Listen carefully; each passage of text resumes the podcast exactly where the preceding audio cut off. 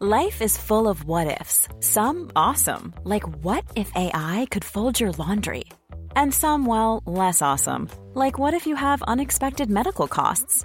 United Healthcare can help get you covered with Health Protector Guard fixed indemnity insurance plans. They supplement your primary plan to help you manage out of pocket costs. No deductibles, no enrollment periods, and especially no more what ifs. Visit uh1.com to find the Health Protector Guard plan for you. Hey, I'm Ryan Reynolds. Recently, I asked Mint Mobile's legal team if big wireless companies are allowed to raise prices due to inflation. They said yes. And then when I asked if raising prices technically violates those onerous two year contracts, they said, What the f are you talking about, you insane Hollywood ass? F- So to recap, we're cutting the price of Mint Unlimited from $30 a month to just $15 a month. Give it a try at mintmobile.com slash switch. $45 upfront for three months plus taxes and fees. Promo rate for new customers for limited time. Unlimited more than 40 gigabytes per month. Slows. Full terms at mintmobile.com. I see them blue for me and you, and I think to myself, what a wonderful world. Jeg fikk en bok i år. Bare si hvilken bok jeg fikk i ja, år. få- få det fram. Jeg bare fikk en her. Gjerts metode. Jeg fikk den i går. Ja, du fikk den i går. Ja. Ja, hva, hva syns du, da? Nei, altså, jeg kjenner jo han litt. eh, Han, han er jo Jeg tror det at eh, det må være noe spesielt med den familien. Ja. For Jeg tror ikke det er en vanlig familie at Jakob kan være så god. Jeg tror ikke det. Men, men for Henrik sa til meg at han trodde alle kunne løpe på 3,40. Det tror ikke jeg. på 1500. Ja. Jakob må være spesiell. Ja, men jeg tror, men, men, men det er mye riktig. Det er mye riktig fordi de, de, jeg de tror vet hva de alle driver kan få ut sitt potensial. ja, måte, Men, men sånn, ikke, ikke, ikke snakk om at eh, Jeg tror ikke for eksempel at uh, Jens Arne Svartdal kunne løpe på 3,28. nei, det er jo enig. Men Men- alle kan få ut sitt potensial. ja, ja, og det det går, det det går på. Ja. Så Han har ekstrem peiling. Han er jo uh, Gjert Ingebrigtsen. Så, så, men jeg, jeg skal lese den først, og så, så skal jeg studere den. Mm. Så for jeg, jeg kommer til å lese den jævlig nøye. For, for, jeg, for jeg mener at Jakob Ingebrigtsen Folk tror det er normalt. Han, han er ikke normal. Men jeg altså. Genetisk? Jo, jo, altså, jo, det er men også, det er ikke normalt at Norge har en sånn løper. Nei, det er For- for- beviselig ikke normalt. Nei, nei, men altså, det- vi tror nå, nå har vi Warholm som har satt en rekord rekorden han aldri slår fra 45 til 94. Kan, kan kan slå. Jeg tror han aldri slår pga. dekket i Tokyo og pga. skoa. Også alder, han var peak alder. Ja, jeg tror ikke han kan slå dem. Så nå får han også Jakob samtidig. Det, en sånn nasjon skal ikke ha to sånne men jeg samtidig. Så det, det, det er veldig bra, men det, det er ikke normalt i betydning at det her, det her er noe veldig spesielt. Altså. Altså, den tiden du er inne i, tenker du på altså, den friidretts... Altså, det å ha løpere av det To så gode løpere Ja, samme samtidig. Det er helt spesielt at Norge har, mener jeg. Men hva tror du Det er veldig bra, altså, men det er ikke, det er ikke så, det er ikke så selvsagt. Oh, ja, han, det, er ikke, det er helt spesielt, altså. Men det, Vi, vi hadde jo Gjert på en episode, Ja. og han, han mener jo at det som altså, liksom det, han, Nå parafraserer jeg han, da. Ja, ja. Får høre på episoden. De som Ja, for å få det fra, Han har- han peiling. Ja. Men han mener at, at det som er unikt med Jakob versus de andre, er at de andre har gått litt ski og Ja, de ja, ja. surra litt. Jakob Ja. han skal bli, han skal bli best til å løpe. For Ja. Han var seks år gammel ikke sant? og har gjort alt Ja, ja. riktig. Og så Ja. har han jo selvfølgelig fått det, det regimet som Gjert har perfeksjonert gjennom Ja, ja. å prøve å feile med de to eller tre eldste. Og så har han, har han, har han fått liksom oppskriften perfekt. da Ja. Men at det ikke nødvendigvis er genetisk. da Men det er jo jeg Nei, er nei, jeg, jeg, jeg, jeg mener ikke genetisk, men, men, men, men, mer at, eh, at han Om det ikke er genetisk, for det, det trenger jeg ikke å ta inn At det, det er mye ved han som er spesielt. Eh, eh, Mm. Positiv, po, positiv betydning, for han, han virker jo helt i vater òg. Ja, ja. Han er 18-20 år, så er han helt i vater. Eh, Og det er, det er også spesielt, så Derfor så tror jeg mye, mye, mye klaffer i han. Altså. Og så Hvis du ser på mora, vet du, så er jo hun sånn som jeg ser hun, så har hun ganske smale hofter og slanke bein. Og alle løpere må ha smale hofter. Du kan ikke bli løper hvis du har, og Det er jo derfor ofte negere er gode til å løpe, for de har smale hofter naturlig. Du må ha smale hofter, nesten alle. Og Hvis du ser på for eksempel de skiløperne som, som ofte da, sånn som Jens Arne, for eksempel, har litt breie hofter. Dårlig løper. Så det er?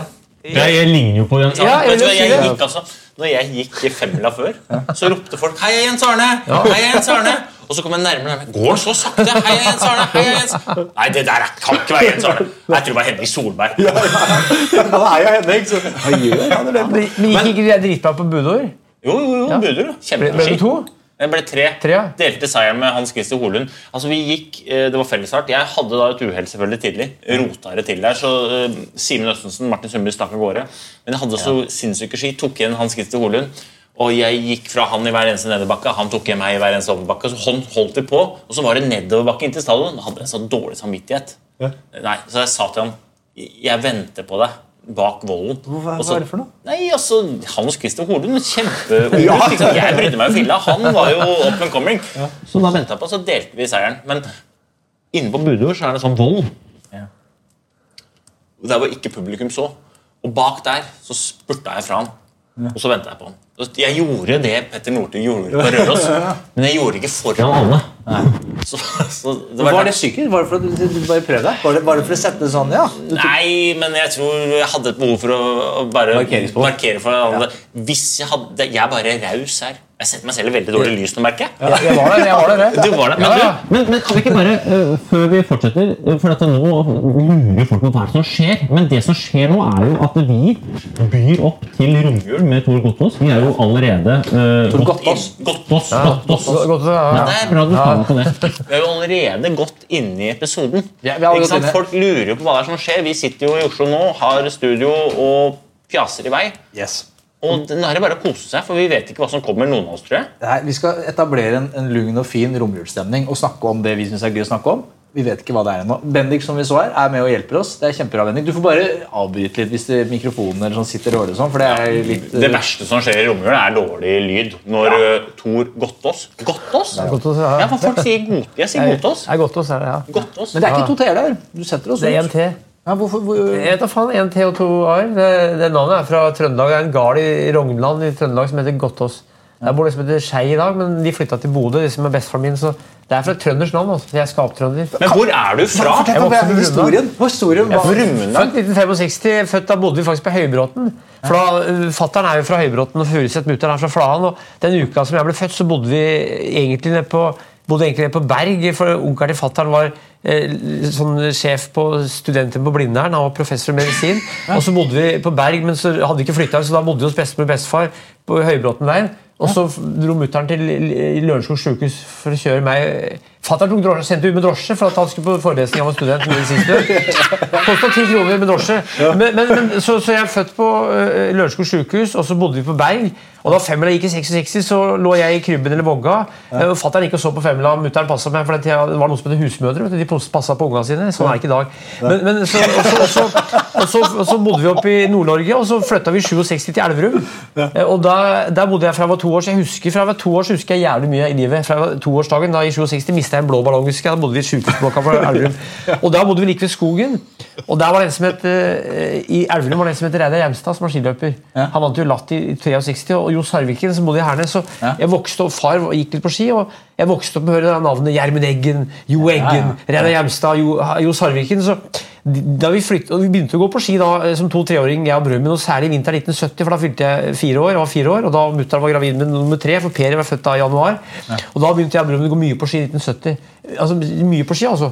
Vi dreit ut pipa hos naboen. Vi rekkehus, så dreit min i pipa til naboen. og så Grav, Ja, for bøllete. Du, vi har om dette før. Du var liksom litt bøllete barn. Før jeg begynte på skolen. Dreit du i pipa til Broren naboen? min dreit i pipa til naboen. Så det var rekkehus, og så gravde de ned posten. Men det det er samme, men poenget, poenget, poenget, poenget, poenget, er, poenget er at Det er romjulsstemning. vi, vi, fikk, vi, vi fikk da interesse for ski i Elverum, for da bodde vi rett ved skogen. Og det er veldig fint å trene i Elverum, både løpe og gå på ski. Så vi begynte å gå, gå på ski, og der var det noe som heter Østerdalssprinten, som var et stort renn i Elverum. Østerdalssprinten var et renn for de voksne, og så var det noe som het Lille Østerdalssprinten for unger. og der var vi med og gikk, Jeg ble nummer to et år der. og Da, da vi flytta til Brumunddal i januar 1971, da jeg var fem og et halvt år, så, så ville ikke vi flytte til Brumunddal, for vi syntes det var helt jævlig. Men for folk prata annerledes. Og så Også Elverum var et veldig fint sted, syns vi. Også, Men så ble vi boende, og der var det Ole Elvesæter. Var jo fra Nybygda. Er fra Nybygda. 8 km fra Brumunddal. Du har gått Oppe, ja, ja, ja, ja, 07. ja, ja. Jeg var, var der, det. Eh, Femmila Jens Arne vant. Ja. Eh, og fellesstart på Jeg ble nummer ti. Ja. Eh. Frode Vesterhamma. Så, så Derfor var det naturlig at vi, og vi gikk på ski til skolen og forbi to hoppbakker. Så det er to hoppbakker på skolebakken på Fagerlund, så vi gikk på ski. så Vi, vi, vi fikk jo dilla på ski. Vi, er tre brødre. Jeg er født i 65, Lars er 66 og Per i 70. Så jeg og Lars var mest som kamerater. Og alle jeg kjente, gikk på ski. Og det var det alle drev med. Enten hopping, for de sa at hvis du ikke turte å hoppe, så gikk du langrenn. Hvis du ikke ga deg å gå langrenn, kjørte du alpint. Hvis foreldre hadde råd til å kjøpe utstyr. Men, men det var altså langrenn som vi fikk dilla på Men, tidlig. men, men uh, har du noen gang vært liksom aktiv skiløper? Jeg har gått hovedlandsleder. Men du har det, ja. For du er ganske god på ski. Ikke si det. Jo, men sammenligner, si det. hvis du sammenligner med meg Jeg og har femteplass 15.-plass i Birken i klassa, men, men Ja, da er du god på ski. Da er du god på ski, for Det er såpass mange som vil si at de er gode på ski, som ikke har 15.-plass i Nei, altså, så, så da, da vi begynte, flytta til Brumunddal, så begynte vi å gå klubbrenn, og så gikk vi kretsrenn fra vi var ni år da, i vinteren 1975. Så, så, så vi, vi, vi, vi pleide å se langrenn på TV, vet du. og så hadde vi ikke tid til å gå på dass, så vi pissa da i bøtte. Så, så, så, og så var det en gang broren min stod, Det var en som het Erik Røsbakk fra Furnes, som var lokal løper. Han datt, vet du. Og da sto broren min og pissa, og så, og så datt han, og da pissa han utafor.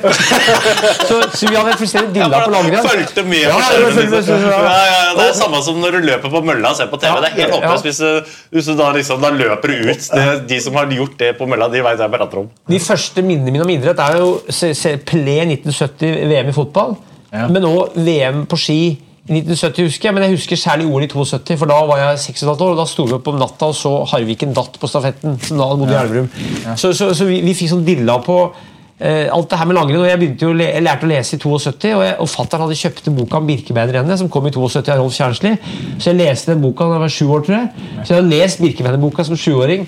Ja, for det, hvor er det denne altså, det er jo også, du er jo et kartotek av dimensjoner, men, men hvor er det denne enorme interessen kommer fra? Jeg vet ikke, for at eh, Bestefar som var fra Bodø, som het Hans Jørgen Gottaas, han var jo født 1910 og han var, hadde klisterhjerne og god til å fortelle. Han, han satt og prata om han, han var stavhopper i 30-åra og ble trent av Charlie Soff, som hadde verdensrekord med 4,31 i 30-åra. Han var trent av han, og han hadde ført med i, i idrett, særlig friidrett, men idrett Så jeg, jeg flaska opp sånne historier om idretten før krigen. Så før jeg var ti år, så hadde jeg hørt hele idrettshistorien av han og morfar som var født i 14, som drev med friidrett før krigen.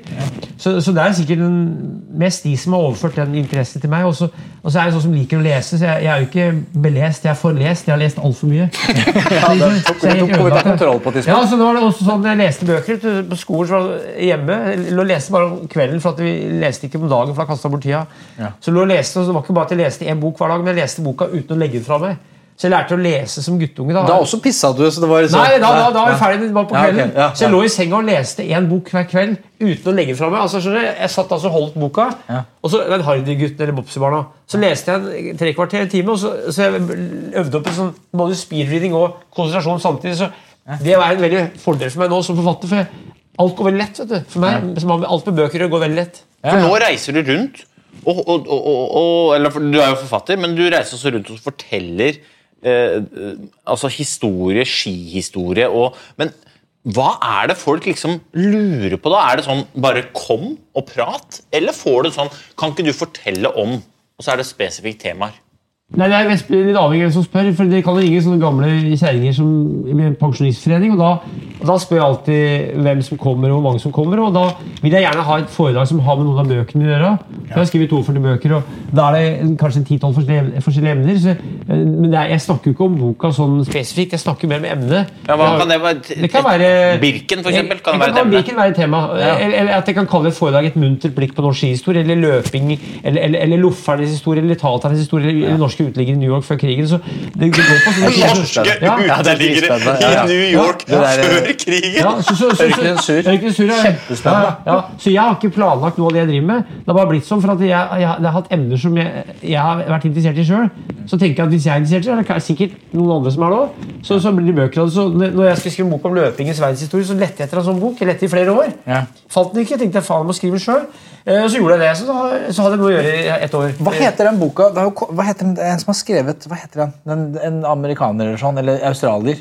Som har skrevet en sånn bok som heter Born to Run? Ja, Born to Run, ja. ja, ja. Er det, det er, er barfotløping. Ja, det er barfot- Jeg visste jo om Hva, hva heter den stammen din? Tara, i Tara, Tara Tamahumare? Ja, ja, jeg visste den stammen for han eh, norske zoologen eh, Han var der i 1890-åra.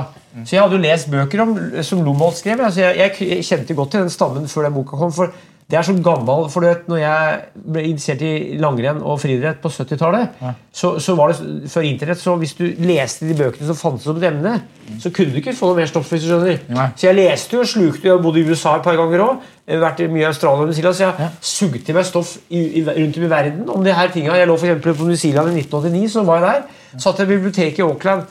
Og da hadde jeg John Walker, husker han som helt? En løper. eh, OL-vinner i 1976. Han, er så, så jeg skulle besøke og tenkte nå- Så haika jeg opp til der John Walker bodde. Han bodde på Farm overfor Oakland. Og så, og så hadde det med hester visste det. Men så var jeg ja, beskjeden, så jeg turte ikke å besøke ham. Så Var du beskjeden? han-? Ja, altså, i i en sånn sammenheng sjenert. ja, ok, ja. Så jeg turte ikke å besøke ham, men så traff han her i 2015 på Bislett Games. Jeg traff ham borte på hotellet borti gata her. Så nå har jeg invitert til John Walker.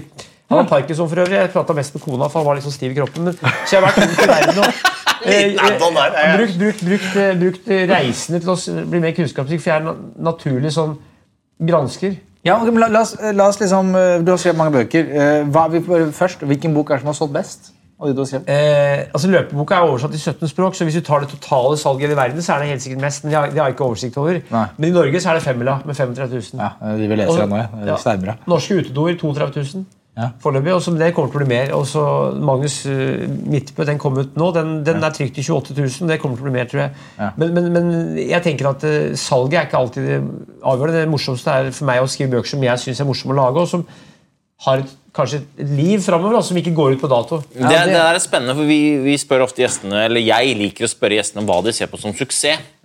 Og, hva, hva og så sier jo du her at det viktigste for deg er ikke nødvendigvis hvor mange, mange de selger. Eh, Hva vil du si er en, en suksessbok for deg? Sånn, en, hva er det du ser på som en sånn Denne boka, er, dette er bra, liksom. Noe jeg liker å lage sjøl, og noe som eh, noen eh, som, som, blir, som jeg blir fornøyd med, og som noen liker å lese, og som kanskje har et lengre liv enn bare til neste jul, f.eks. Ja. For det, det, og det har noen av de bøkene mine det har de, viser seg. for Det blir omgjort i podkaster, for jeg blir intervjua i podkaster om det hjemme. Og da lever det videre gjennom podkaster, for jeg syns podkast er et veldig fint supplement til, til bøker. Så det går med på at jeg syns det er kvalitet.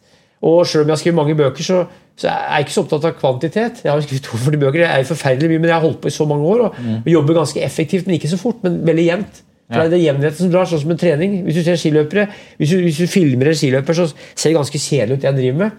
Går langtur dag etter dag, og så, og så, og så Det er jevnheten som drar. Og jeg har holdt på med bøker i over 25 år.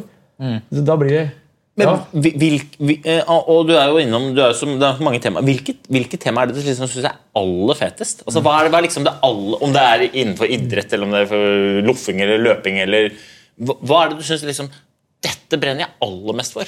Det er egentlig flere ting som er på, på førsteplass. Og det er så klart langrenn på førsteplass. Ja. Men òg loffing og sånne ting.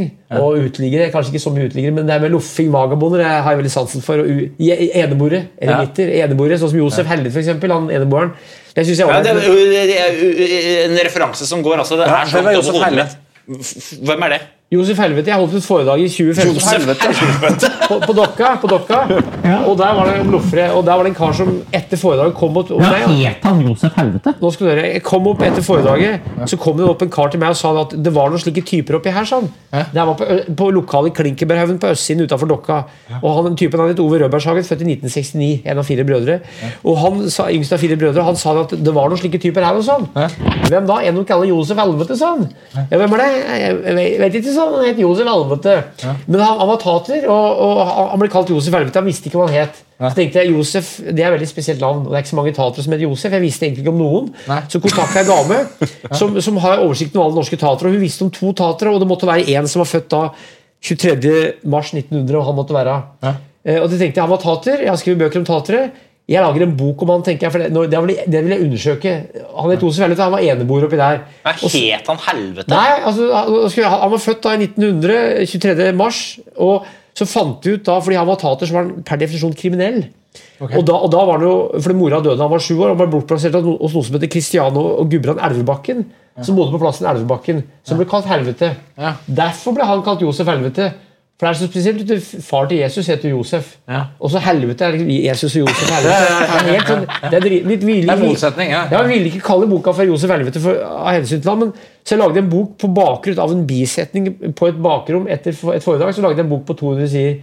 Så hvis du skjønner, så Og da fant jeg jo folk som hadde kjent den, og jeg, jeg intervjua en kar som Gransking. Altså, ja, altså, å- folke, ja. for Jeg er utdanna folkeminnegransker. Jeg har hovedfag på Blindern i 93 fra det. Og så jeg er utdannet, skrev, skrev noe som heter 'Holdninger til teater sett i historisk perspektiv'. Og jeg var ekspert på rykter. Jeg studerte rykter før internett. Det var det jeg spesialiserte meg på. Jævlig, spesielt. Det er smalt. Ja, ja, ja. smalt. Ja, Smalt. Ja, jeg hvis du, for eksempel, hvis du spredde hvis for eksempel, Det var en dame oppe i Brumunddal som sa at, mjølk, at, at pultosten på Gaupen meieri var giftig. Det spredde du rykter om. Da måtte du dementere ryktet med å sette inn en annonse i avisa to ganger og si at det er noe tull, det jeg sier. Så, sånne ting drev jeg og studerte på Blindern. Og det var meg og fire damer over 40 år som tok hovedfag. Var, og, og professoren sa at du får ikke noe jobb med det faget her. Nei. Så ble faget slått sammen med noe annet. Så jeg studerte jo sagn og ballader og stev og eventyr jeg, i jappetida. Da tenkte jeg hvor spesielt det var. Så, men det var jævlig morsomt. Sagn, ja. ballader, stev Ja, altså- og eventyr i Ja, i jappetida. jappetida. Og jeg var interessert i å bli forfatter, så jeg, jeg, jeg gjorde det fordi jeg bare har fulgt interessene mine. For jeg har vært sånn kompromiss, litt for kompromissløs kanskje, og fulgt interessene. Ja, så Det er jo jeg, lykkes i det, da. nå skal jeg bli forfatter, tenkte jeg. Og så, jeg var ikke interessert i å leie bort eh, hjernen min. Jeg kunne godt leie bort kroppen min, men jeg, jeg har ikke kapasitet til å leie bort hjernen min hele dagen og skrive bøker i tillegg. Så jeg har leid bort kroppen min som skogsarbeider og gardsarbeider og sjauer. Jobba i møbel- flyttebransjen i mange år. Skogplanting. Skogplanting, og så jobba med sånne strøjobber. Det, det, drev- det drev med til jeg ble ansatt som gymlærer 1.1.2000 på Helpberg. For da gikk jeg, Det var 17.12.1999, så gikk jeg fra Kringsjå eller jeg bodde på Kringsjå ned til byen. Det var jævlig kaldt, så gikk på Blindern så gikk jeg gjennom bygget der for å få litt varme i kroppen. For det var 15 grader.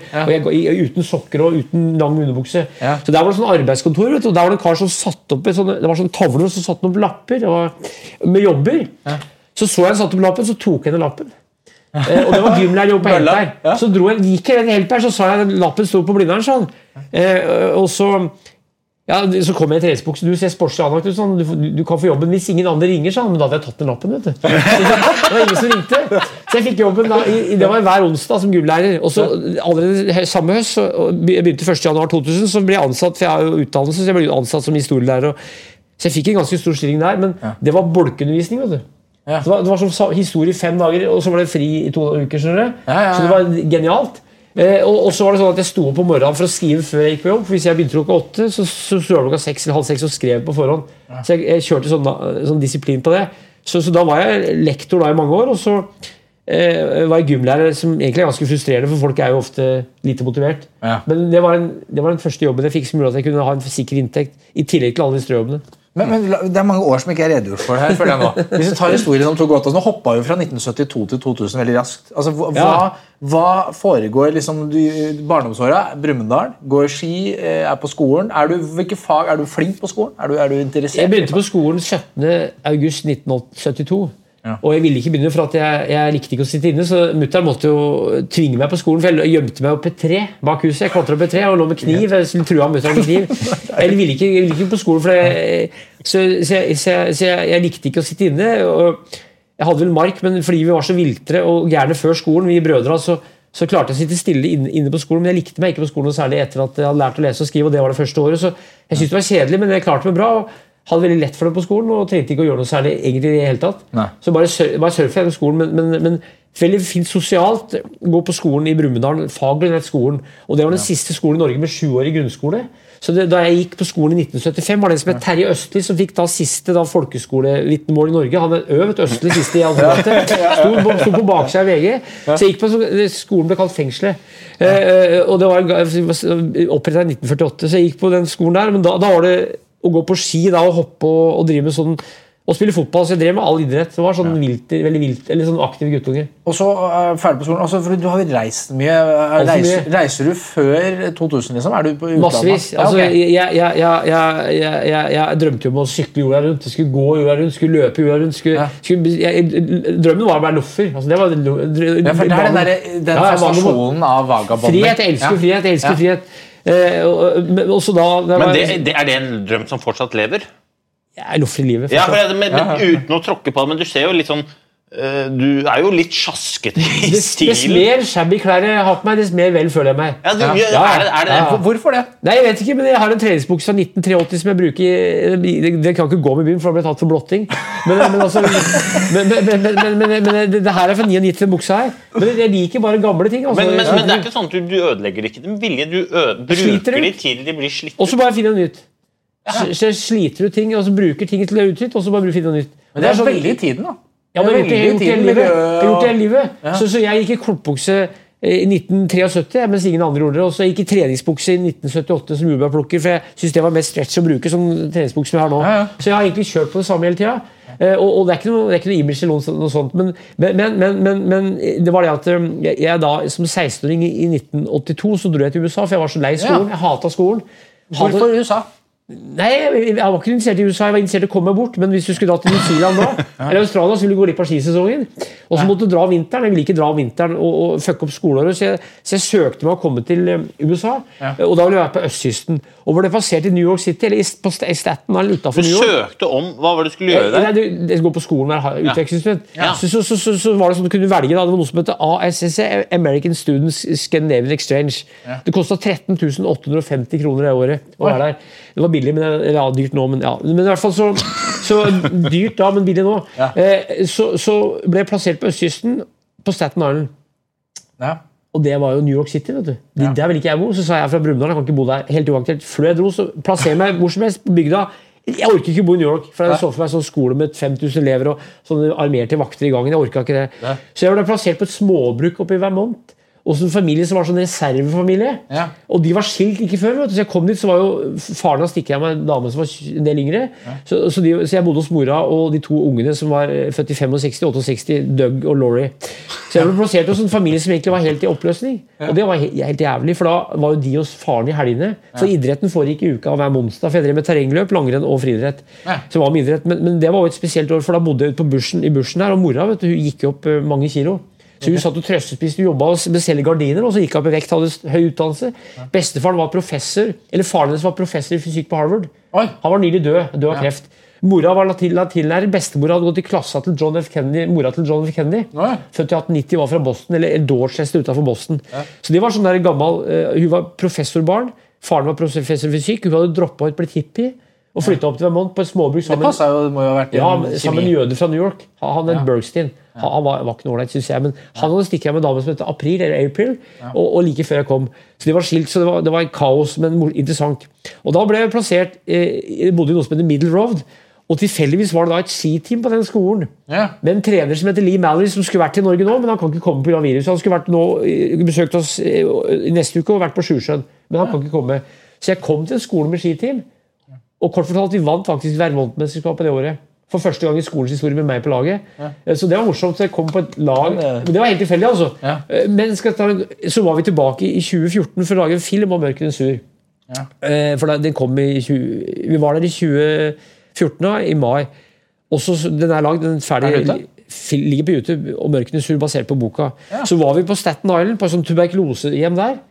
Og så fra filmen, for der var det noen fra Mørkenes sur som var, de hadde tuberkulose og døde der. Og så, var vi inne på kontor, for det var noe trøbbel med forsikringen der. De i Norge hadde ikke ordna forsikring, så var det noe kødd, vi måtte være på et kontor i, i ca. 20 minutter.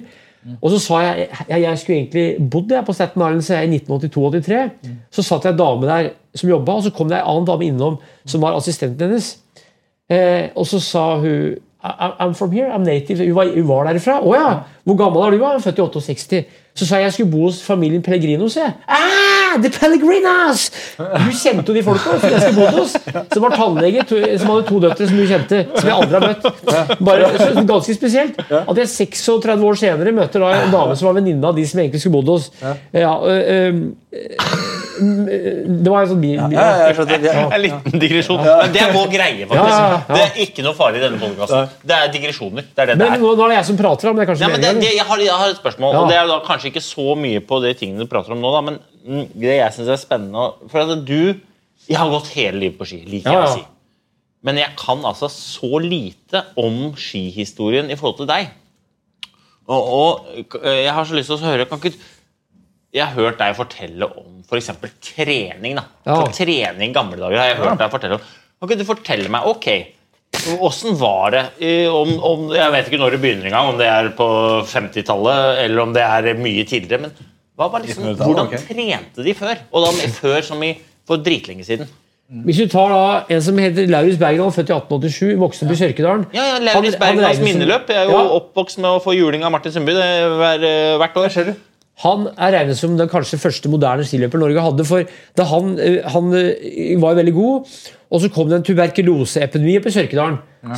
Og da ble folk reddeløse ut, og så han slutta å gå langrenn, for det foregikk på søndag. Men så lå nok Tømmer oppe Heggelivannet i 1909, og da ble han overtalt til å gå, være med på Nydalsrennet, som var det største rennet i Kristiania etter Holmenkollen. Han vant det, og han ble, eh, vant hovedlandsrennet i, i 1909 på Lillehammer, eller starta på Nordfjell, eller startet på Nordseter og kom i mål på Sør-Ål. Han begynte å trene, og han begynte å trene teknikk. Og da gikk han en stil som senere ble hetende diagonal. skjønner du?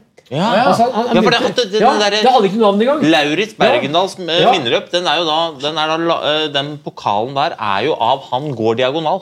Han hadde da, hadde da en, en hoggestabbe på tunet i Bergendal i Sørkedalen. Så hadde han en vekkerklokke der. Så lagde han runder ut på jorda i skogen. så tok han tida Hvor lang tid bruker jeg når jeg går sånn diagonal? For de hadde, de hadde ikke noe navn. de stila. Hvordan gikk de før, da? Nei, altså, de hadde for i 1887, eh, på femmila 1888, som er den første femmila, eh, så var det tre stilarter. Vinneren hadde en kort stav. Han, hadde, han gikk på 42630. Han hadde en kort stav, han var telemarking, bru- kraftig hoftebruk. Ja. nummer to hadde to staver, og en Ja. som het Ingebrigt Aas fra Tydal. Samme, Hvordan gikk det med to staver? han ikke en vanlig. Men, men det er samene som begynte med diagonal. For de gikk med korte ski og korte staver, for de skulle jakte. Og da, For å løpe i snøen, for å ta byttet, så løp de gjerne. Samene begynte med to staver og to uh, korte ski. Eh, og den tredje da, i 1988, 1888 han hadde en lang stav og lange ski. Eh, han kom fra Tydal, samme som Ni- Niklas Nyhaug. Ja. Og han, han, han, det var fjellski. Men Lauritz han begynte da å eksperimentere med forskjellige teknikker. For da var det nemlig ulike teknikker i de ulike bygdene. Ja. Det var noe som het Tryselslengen. Det var en egen teknikk i Trysil. Hvor du da hvor du staka, og så løp så, og så løp. Ja, så det, Ja, liksom Forgjengeren Ja. til dobbelttak på fraspark. Det var Tryselslengen. Og i Rindal så var det noe som heter Rindalslengen. Spesielt måte å gå på i Rindal. Du må slenge opp bak. Så det var egne teknikker, og, og det her var noe som var i, i de ulike bygdene. så var det Sånn som i Trysil, som er verdens fremste skiløperbygd. Ja. For de har alpinanlegg i dag, og snowboard og sånn. Og så har du da skibygda Trysil, hvor det finnes beretninger om skiløping allerede på 1700-tallet fra en som heter Smith, som var prest der. Som da intervjua de gamle i 1770-åra og fant ut at eh, i, i Trysil har folk gått på ski alle tider, for du kan ikke bo der uten å gå på ski. Og de trente og hoppa. Og det var den tida det var så harde, de, de høgg tømmer om dagen, hadde ikke koier. Så de overnatta, høgg tømmer om dagen. Så sov de ute på, på granbar og, så, og snudde seg og lå inntil et bål. Det var hardingene. Hadde sånn tørt kjøtt og noe, noe sånn smør og noe flatbrød som de lagde på. Det var de skiløperne der. De gikk på ski. Og, og, og Ja, der, er dette sant? Det er bare det er ikke kødd. Det er ikke kødd. Det er ikke kødd. Nei, altså, og, og, og de, de trente Lauritz Bergland trente da, men ikke De trente ikke spesifikt. Ikke langrenn spesifikt. De, de trente i form av å være Han, aktive. han jobba tømmerhogger og gardsarbeider. og eksempel å slå med ljå. Det var jævlig bra trening. Slåtten. Er, Du bruker hele skrotten og så skinka og låra. Jævlig bra trening. De hadde vaskebrett, de gutta hadde ikke trent noen situps. Men så Lauritz han, eh, han trente, og da var stilen at du skulle ikke si at du trente. Så det Lauritz sa, for jeg snakka med folk som intervjua Lauritz, for han døde jo i 65. Han ble påkjørt eh, samme dag som femmila, så døde han tre uker etterpå. Det er tre som har blitt påkjørt, eh, som har vunnet femmila i Kollen. Det er han. Han døde i 65. Ja, da, du, du bør i hvert fall kunne en av de. Og da, da skal vi til Russland, skal vi ikke det? Ja, Ja, Prokhorov. Prokhorov, ja, ja, han ble selvfølgelig. Ja, ja, ja. i Moskva, var det ikke det? Han døde han, ja, han døde en torsdag og ble begravet på mandag. Vegard Ulvang rakk ikke å besøke komme i begravelsen, for han fikk ikke visum. Og så er det Hakkolin fra Finland som var, var ute og trente. Og så ble det påkjørt av fyllekjører i Finland. Men jeg, intervju- jeg, snakka med en som har vært intervjua, Lauritz Bergendal. Og pluss at jeg kjenner folk som har kjent den. Ivar Halvorsen, som var født i 1917. eh, Han kjente den, så jeg har snakka med en som har snakka med den. Eh, Og han, han, han snakker om det på sine eldre dager. Du skjønner? At jeg trente sånn og sånn. Men, Ja. men, men han ville ikke For det var ikke det skulle ikke- det var ikke, var du skulle holde det skjult at du trente. det var, det var liksom stilen. Og for eksempel Olav Økern i 1952, han ble nummer fire på femmila i OL. Han trente ingenting, sa han, men, men jeg snakka med Harald Mortmann, som døde 1. januar i år, som var med da, på den femmila og leda etter ei mil, men som sprakk og ble nummer åtte. Harald sa følgende eh, Han hadde trent mye med Økern, men Økern, da var han fortsatt ungkar. Og da bodde han bort ved mm, Han bodde i Bærum, men i Solhøgda så høgg han høgg tømmer. Så han, han, han løp og gikk til skogen for å hogge tømmer. Så løp han og gikk i pausen for å spise. Så hadde tre-fire løpeturer om dagen. Ja. Så høgg han tømmer, og så drev med styrkeøvelse i skogen i tillegg. Han trente ingenting, sa han. Ja. Men han trente dritmye. Og, og, og hvis det kom journalister, så sa de nei, jeg trener ikke noe. Og så står det i avisa trener ingenting, men, men de var dritbra trent. Og for eksempel, eh, Kanskje ikke så høyt OT-opptak som i dag, men de var veldig muskelsterke. Eh, For at De begynte å jobbe tidlig, og det hadde Lauritz gjort òg. Så de trengte ikke så mye mengdetrening som i dag, men, de hadde en grunnstyrke som gjorde at de da kom lettere opp på et nivå som som var eh, veldig høyt, selv om de ikke hadde så mye spesifikk trening. Vil du si at de var bedre gjennomtrent, men mindre spesifikke før enn nå? Altså, vil du si at det, den generasjonen skiløpere du prater om nå, da, var bedre altså sånn, de, de la ned mer timer fysisk arbeid enn nåtidas eh, løpere? Ja, Hvis du tenker deg eksempel Økeren som da gikk på skolen annenhver dag. Og de gikk jo på skolen annenhver dag, eh, og de hadde da sommerferie fra 17. mai til 1. september, for da skulle de jobbe. Så på landet var det lengre sommerferie. Tre og en halv måned sommerferie, bortimot. For da skulle unga jobbe. Og da var jo det jobbing, og det var jo noe de ikke De fikk ikke betalt. Eh, Så, så i arbeidstimer så var det mye mer. Hvis du skjønner. Så grunntreninga var eh, Grunnlaget var annerledes, men de hadde ikke den de, de, de hadde ikke den muligheten til å hvile. Og profesjonaliseringen hadde de kanskje heller ikke. Det var liksom ikke et system. Det Så- bare så, så, som for eksempel Oddbjørn Hjelmeset Ja. har ville vært en perfekt person der, for han trenger jo ikke noe særlig hvile. Så han kunne klart seg bra. De har hatt en sånn strevsom jobb. du? Mens de som er avhengig av å hvile veldig mye og sove mye, hadde ikke klart seg så bra. for de hadde ikke orka kanskje å ha kroppsarbeid. Men de beste, og Lauritz også, tok jo fri om vinteren. Så Lauritz han trente han da han begynte å trene. Det, det, jeg begynte å si var at Han kunne gå en tretimersøkt han om morgenen. Og så kunne han hvile, for tømmerhogst det ikke det var jo ikke, det var jo ikke, det var jo ikke timesbetalt. Det var jo, du gjorde, fikk betalt for det du gjorde. Så det var sesong. Det var høsten eller vinteren. Eh, Og, og da hadde jo han ofte fri om vinteren, for han hadde ikke tid til å jobbe. For måtte, det tok så jævlig mye å reise. skjønner du? Ja, Så reisinga, for Hvis det var fullt eh, landsrenn før krigen, så var det tremil på torsdag. Så var det hopping eh, og langrenn lørdag og søndag. Fest natt til mandag. Og da Hvis du skulle reise på onsdag, så kom du hjem på mandag. Så Sånn gikk hele vinteren. Så de, hadde, de tok fri da gjerne fra januar til ut mars, de gutta. Og det hadde de ikke, mulighet, de hadde ikke tid til å jobbe, men de hadde heller ikke penger, så måtte de tjene penger ellers i året. Hvem, hvem var første som liksom systematiserte treninga? Var det Lauritz? jeg, jeg vet ikke om det var Lauritz, men vi vet at Lauritz gjorde det. Og vi, vi må jo ikke se han i forhold til i dag, vi må sammenligne med han. Hva var det som var før han? skjønner du? Ja. Eh, For, for de, de beste er alltid ekstreme. Og, og han, han har vi eksempler på noen slags treningsprogram etter. Og jeg vet at en som het Paul Bråten, som var fra Eidsvoll, han drev og trente, men han snakka ikke om det. Han vant jo han var litt, litt eldre enn Lauritz. Han drev og sykla til Trysil og sånn, og sykla til Oslo, gikk på ski til Oslo. Eh, Så de drev med det, men, men, men de snakka ikke noe særlig om det. Og Elling Rønnes, tryslingen som var født i 1882, som var fem år eldre enn Lauritz, han drev og trente, men, men, men han, han eh, Jo, du, har en som heter eh, verdens største skitalent. Ok? Verdens Gjennom største, tidene? det største gjennom alle tider. Ja. Hæ? Ok, nå er jeg Eh, det er Carl Kristoffersen fra Trysil, født i 1895. Ok. Det var to, to brødre. Peder, eh, født i 93, og Carl, født i 1895. Og Carl Kristoffersen i 1913 Jeg lurer på om det var sju- 27. februar 1913. Han var 17 år. Så gikk han en femmil i Trysil på 3.31,52. Det var kontrollen vårt. Det var fire runder på 12,5 km, og den dagen var det, var det skareføre. Så han staka, staka femmil. I 1913 han staka femmila. Ren staking, og den var kontrollen vårt. Det var verdensrekord på femmil. Da hadde ingen gått under fire timer i Holmenkollen. Og, og femmil er norsk oppfinnelse, for da gikk det seks mil og ni mil i Finland og Sverige. Så femmil var ikke noe vanlig å gå i Sverige og Finland før litt senere. Men han altså da var var 17 år og vant en femmil og slo da folk som da var høyt oppe i Kollenfemmila, men han fikk tuberkulose. Han var som villmann til Høge Tømmer. Han var helt gæren, kjørte i sånne bratte lier, hoppa over sånne høye tak og sånn. Og ble bare 21 år. Han døde av Han døde av tuberkulose. tuberkulose. Broren Peder han er fortsatt den eldste norske mesteren i langrenn. For I 1913 så var det hovedlandsrenn i Furnes og Brumunddal, der jeg vokste opp. I hopp så var det 10 000 tilskuere. Det var en dame som prøvehoppa i skjørt. et Oline Rundby. Kongen var der. Det var 8000 billetter. Det var 10 000 solgte ja. Men i hvert fall Peder Kristoffersen, som var født i 1893, som var 20 år det året der, han vant tremila. Og det har aldri skjedd senere at noen vinner før du er senior. Nei. Det har ikke skjedd. Nei. I, for herrer. Nei. Så han var den men det, var- det var verdens største eh, Carl Kristoffersen, men dø, både i Grøn, Grøndalen og Trysil. Og det fi- finnes ett bilde av han. Det står i Trysil-boka eh, som jeg skrev. Skibilde av Trysil kom i 2017. Det finnes ett Jævlig sånn robust type.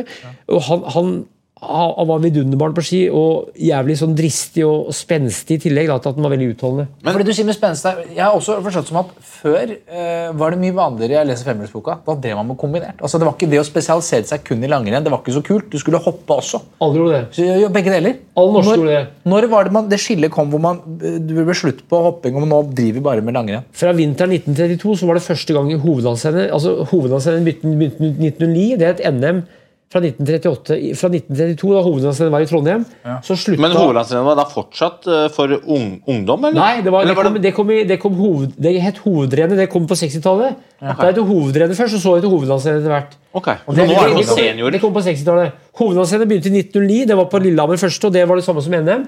For landsrenn var de største landsrenna. Eh, landsrenn var de største renna, og så var det hovedlandsrennet som var hovedrennet blant de landsrenna. Ja, Eh, For det var kanskje hovedlandsrenn. 20 la- landsrenn, og så var det ett hovedlandsrenn. Ja. Og det, og det het NM fra 1938. Da gikk de i Mo i Rana. Men fra 1932, da var det hovedlandsrenn i Trondheim. Og det var flytta egentlig vært til Porsgrunn, det var for lite snø, så flytta opp til Trondheim. Og da, det, og da var det ikke obligatorisk kombinert. Og fra 1933 var det ikke obligatorisk kombinert i, i Holmenkollen. Så fram til da så måtte man hoppe Ja. også. Så, sånn som Birger Ruud, som er født 1911, Ja. han, han, han var heldig. for Den første sesongen han var senior, det var 1932. Da kunne han være spesialist på hopping. For det som skjedde, Ja. var at da de slapp løs hopping og langrenn, så ble det jævlig økt interesse. Akkurat som sprint har vært bra for langrenn, tror jeg. Ja. Så førte spesialiseringen at at det ble flere som ble med. Ja, for da ble det traff det flere. Ja, for da kunne de som var bare gode i hopp, holde på med det, og de som bare var gode i langrenn, kunne holde på med det. bakkene begynte å bli så store at folk turte ikke å hoppe mer. Ja. Er det det som er problemet i dag? Hopp, hoppsporten sliter med rekruttering og en masse. Nå skriver jeg en bok om noe som heter eh, Marikollen, som var Trøndelags største hoppbakke fra 1927 til 1957. Den skriver jeg nå, kommer ut neste år. Eh, og nå, nå er den har jeg skrevet på i dag tidlig. Eh, jeg er dypt inn i hopphistorien. Jeg skriver en bok som heter Norske hoppbakker. Men, men der ser vi da at allerede på 30-tallet så sier gutta det. Nå begynner bakkene å bli så store. Dette er sirkus. Hoppsporten kommer til å tape på det på sikt. Det sa de i 30-åra og det sa de i 50-åra. Så det er det at hoppsporten, som er veldig fascinerende og ekstrem, har blitt så ekstrem at det, er ikke for vanlige folk. vet du. Så, så hvis du tenker deg 20-30-åra, kanskje litt senere òg, så kunne hvem som helst nesten ta på seg et par ski og hoppe en 20-30 meter. Eller mange, i hvert fall. Ikke alle, men mange. Var det vanlig? Akkurat som at vi, Jeg er vokst opp med at man går skitur lørdag og søndag. går vi skitur i marka. Og det er, det er for alle. Ja. mener jeg. Men var det sånn at det var vanligere at folk tok, med seg familien sin, og så dro du opp i hoppbakken og sånn, og hopper vi litt? Alle hoppa på ski mannfolk. Og eh, sånn som Tam Brumunddal, jeg snakka med en som var født i 1918. Alle som da var født i 1918, sa han, han ble 96 år, hoppa igjen noe som heter Gubbebakken. Det var sånne lokale manndomsprøver. Det var en som ikke gjorde det, han tror jeg hadde polio eller noe sånt. Så, så, så det, var, det var sånn at alle skulle hoppe. Og, og, og, og det at eh, Hoppbakken var da sted hvor gutta viste seg for damene. Ja, og damene de hang i hoppbakken for å se på gutta. Og de hadde jo bakoversveis. De hadde ny- ny- ny- ny- nypressa bukse og skjorte. Ja. Og langrennsløpere Hvor langt hoppa de da?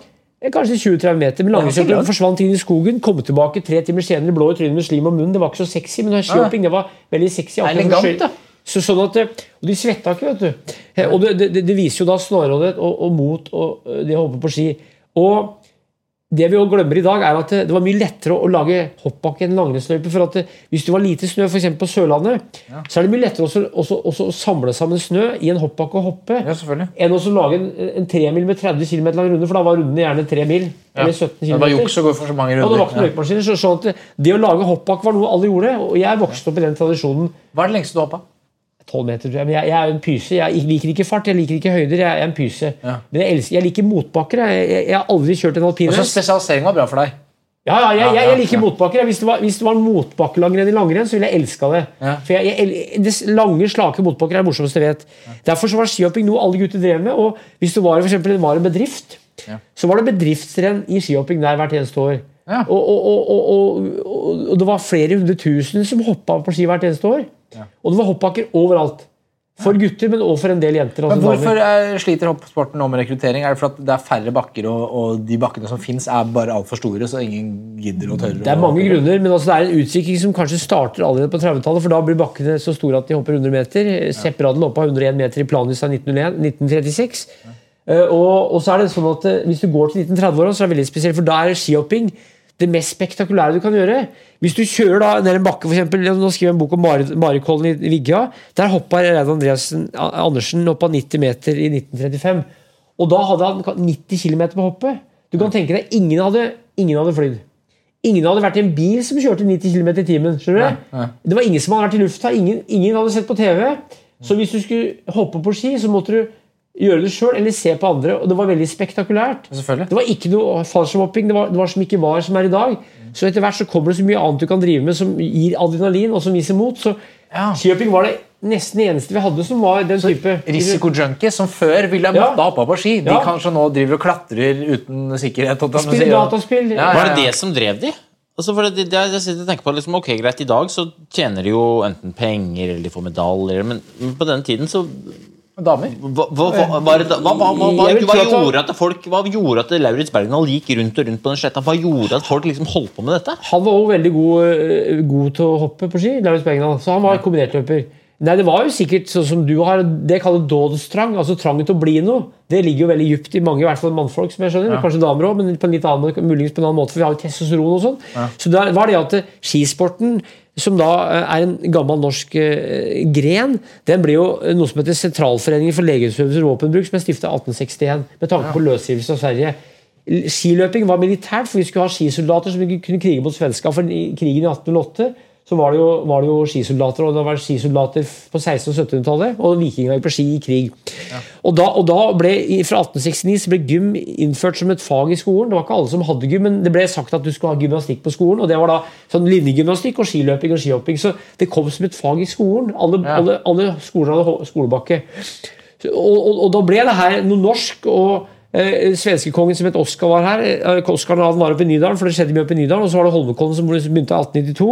Så det ble en idrett som, som ble regnet for å være norsk. Eh, For skihopping er en norsk oppfinnelse. altså Langrenn er kanskje finsk, russisk, samisk, muligens det. Men de har gått langrenn i Norge òg. Men skihopping er en norsk oppfinnelse per definisjon. Den, den er det ingen som kan si. Vi fant opp hoppsporten. Den er særnorsk. Og da, og da, i 1905 så ble vi fri. kom en eh, prins Carl fra Danmark, hadde med seg sønnen Alexander som het Olav, og så var Håkon 7. og kona Maud. Han var på Holmenkollen, og da sa Nansen hvis du skal stå på Holmenkollen, for han var der i 1906, det snødde noe jævlig, tryslinga vant, det var helt jævlig vær. Jeg har sett bilde av de der nedsnødd, og mildt var det, Jo, jo Grini fra Veldrik fikk kongepokalen, og Rødnesen vant femmera på 5.33. Men i hvert fall så sa Nansen, skal du være på skirenn i Norge, skal du alltid stå ute. Du skal, du skal stå ute. Da, hvis du står ute og tåler kulda, da vil nordmenn respektere deg og beundre deg for alltid. Han sa du skal aldri gå inn, du skal stå ute. Så det de gjorde var at de lagde spesielle kongesko. Og det var to støvler, så kongen hadde to støvler utenfor på hverandre. Så det var ingen som frøs så lite som kongen. Så Han var gjerne tynn og røkte som en svamp, men han hadde to støvler utenpå hverandre. Så kongen hadde egne sko, og så var det varmebu. Så da, og da ble det en kongelig idrett, og da var det alltid sånn at eh, bakken var Var det kongepokal? Var det Ja. ble født gjennom det hadde vært i kong Oskar allerede Ja, okay, ja, ja, i 1879. Ja, Også kongen, Den første kongepokalen det var gitt til Jo Skrini i 1906 i Holmenkollen. Han var fra Veldre, han var født i 1881, en kar fra Veldre som var fra Fram skilag der jeg vokste opp i Brumunddal. Men poenget er, det var da nasjonalsang, og det var flagg. Så på hvert skirenn så hang flagget ned på hoppet. Og så sang de nasjonalsangen, og så spilte de ja, nasjonalsangen hvis det var orkester, og så, og så var det trompet.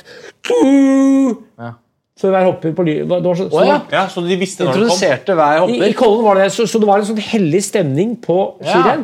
Og etter festen så var det premieutdeling. Det var ikke sånn som i dag hvor folk drar hjem. For det var ingen som kunne dusje. De åt kanskje noen brødskiver og drakk noe mjølk og spiste noen kjøttkaker. kanskje. Så var det skiseksa.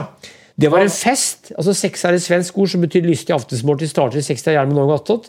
Det var en fest hvor det var foredrag. Det var gjerne musikk, og det var dans og premieutdeling. Og da var det et sånn oppbyggelig foredrag. Og, og nå skriver jeg om eh, Marikollen, og da er det fest da med en sånn storhet som kanskje formann i Skiforbundet eller skikretsen som holder foredrag. Ja. Og så er det, og så, er det, så snakker de om skisportens oppbyggelig. skjønner du? Det var altså oppbyggelig og, Fest har de jo holdt ved like, hopperne. og gjerne med litt drikking. Ja, Men da var Norge frigitt fra Sverige i 1905. Vi hadde vært under Danmark fra 1397 til 1814. Eller Ja. unionen i flere land. Kalmarunionen var i 18, 1397. Så var det løsgivelse fra Danmark i 1814 til 1905. Og vi hadde ikke vært selvstendige, så vi gikk på ski ut av unionen fra Sverige. Og det ble den norske idretten, særlig skihopping. For da Vi var kongen i hoppbakken, og det var ingen som kunne matche oss. Så hoppbakken var da en sånn ski, Skisportens Olympia var jo Holmenkollen, og de her skihopperne var gladia- gladiatorer som spratt ut i lufta.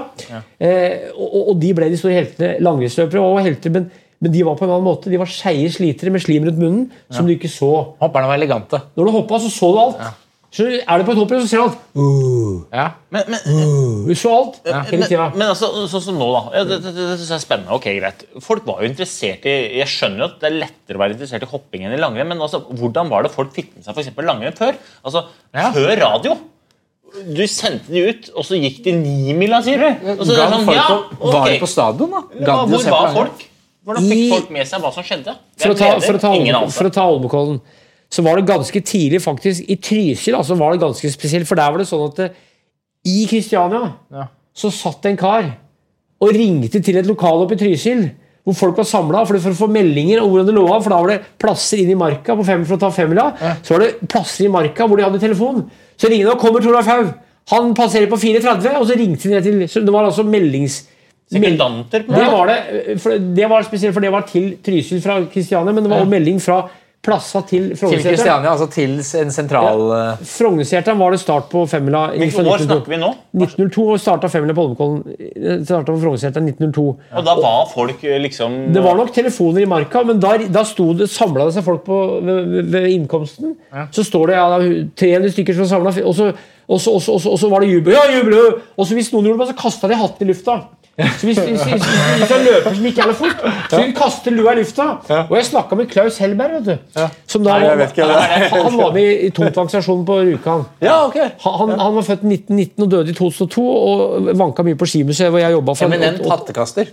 Han 1940 Ja. så var han i militæret på på Elverum. Han var på Terningmoen, og Det var så kaldt at det var en som besvimte på oppstilling. Men da kjørte de lastebil til Rena i, i noen og 30 kuldegrader. Og da var, det, da var det det året så hadde 30. november 1939 så starta jo krigen mellom Sovjetunionen og Finland, vinterkrigen, den første vinterkrigen, og så kom fortsettelseskrigen senere. Da skulle norske gutter skulle verve seg til vinterkrigen. Og, og da, for, å, for å vise symbolsk støtteerklæring til finnene, som kjempa mot russere, så skulle norske gutter gå med våpen i det der eh, rennet der. Med børse på ryggen. Så var det skyting på Midtfjellet, og så skyting to steder underveis. Rolf Øvergaard fra Solli hadde best i menn. Skiskyting?